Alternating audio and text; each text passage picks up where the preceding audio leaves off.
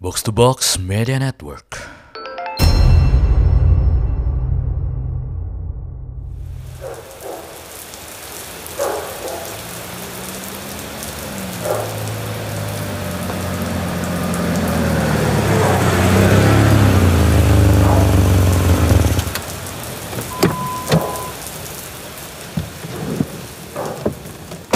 Selamat datang saksi. Sebentar lagi saya akan mengantarkanmu menuju destinasi. Mohon kencangkan sabuk pengaman, nikmatilah perjalanan.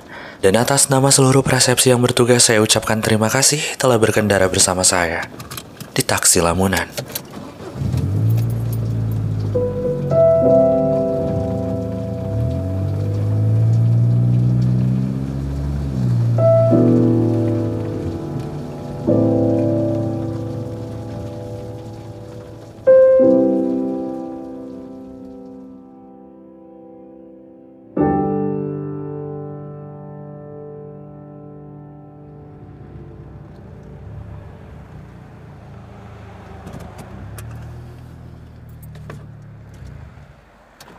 Baik pemirsa, sekarang kita sudah sampai di lokasi baru.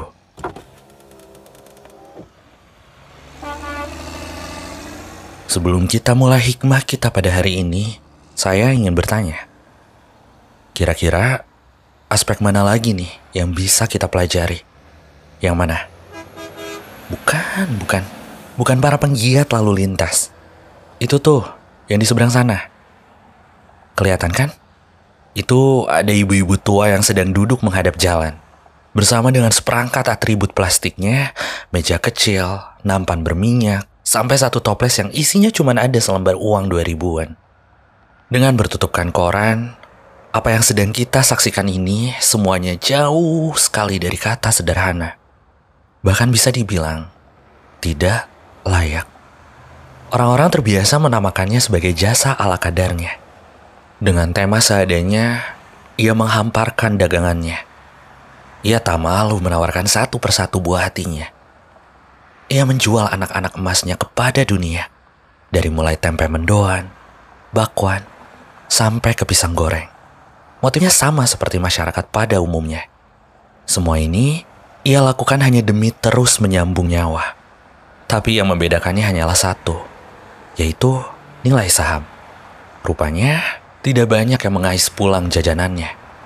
Di bawah terik, juga kendaraan yang hilir mudik. Ia menabung harap, menimbun penantian, untuk terus menunggu dan menunggu perut-perut yang mau menyisihkan belenggu.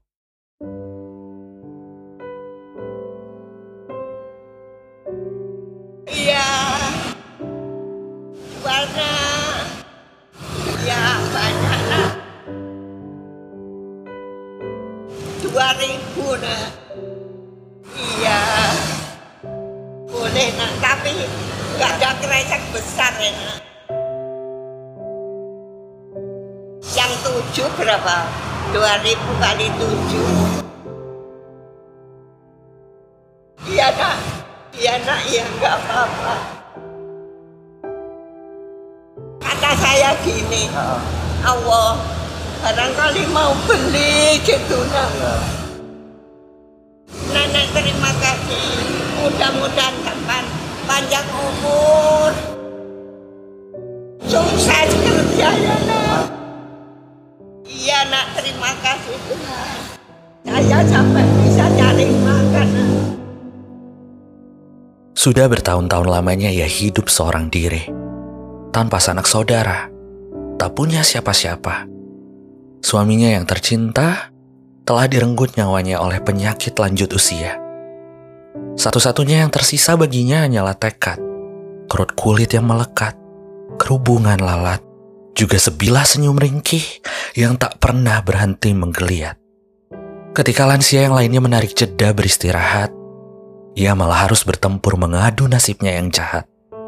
Si ibu harus bergelut dengan rutinitas yang sama gilanya seperti orang sehat di luar sana.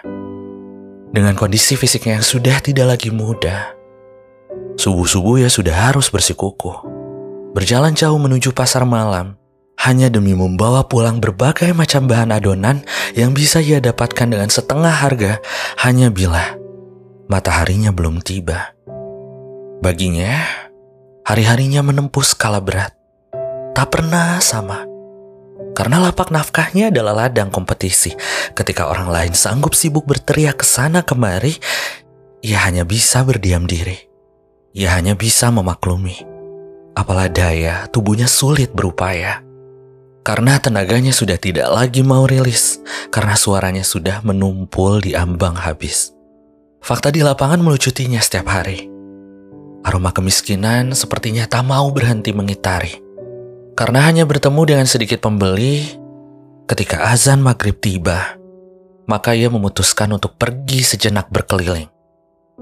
Hanya untuk membagikan semua sisa jualannya dengan cuma-cuma kepada orang-orang yang ia temui di perjalanan pulangnya.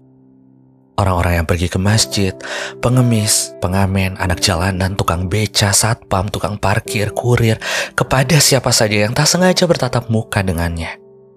Memang betul, tuntutan ekonomi berkali-kali membuatnya terpukul. Namun, ia sudah lama membunuh asa duniawinya.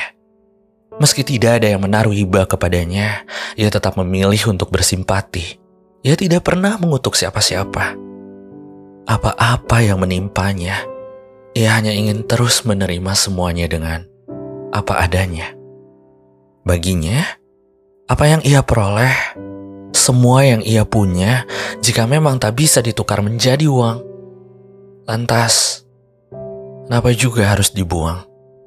Untuknya, berbaik hati kepada siapa saja sama besarnya seperti peluang. Namun ini yang menarik. Bila kita berbicara tentang tahta mulia, si ibu menduduki peringkat pertama sebagai manusia terkaya sejagat raya. Tak punya banyak harta, bukan berarti tidak cukup. Stigma kesuksesan yang selama ini kita bidik bukan diukur dari seberapa banyak, bukan dinilai dari seberapa jauh, melainkan seberapa bisa kita mau memberi melainkan seberapa bisa kita mau berhenti untuk menoleh ke belakang, melampirkan sikap mengasihi melalui diri kita. Berbagi sama akuratnya dengan proses berkaca diri. Seperti berhadapan dengan cermin, bila kita mau menelanjangi diri kita masing-masing. Sejatinya, dari lahir pun, kita sudah tidak punya apa-apa maka jika suatu hari kita pulang nanti, kenapa kita diharuskan membawa apa-apa?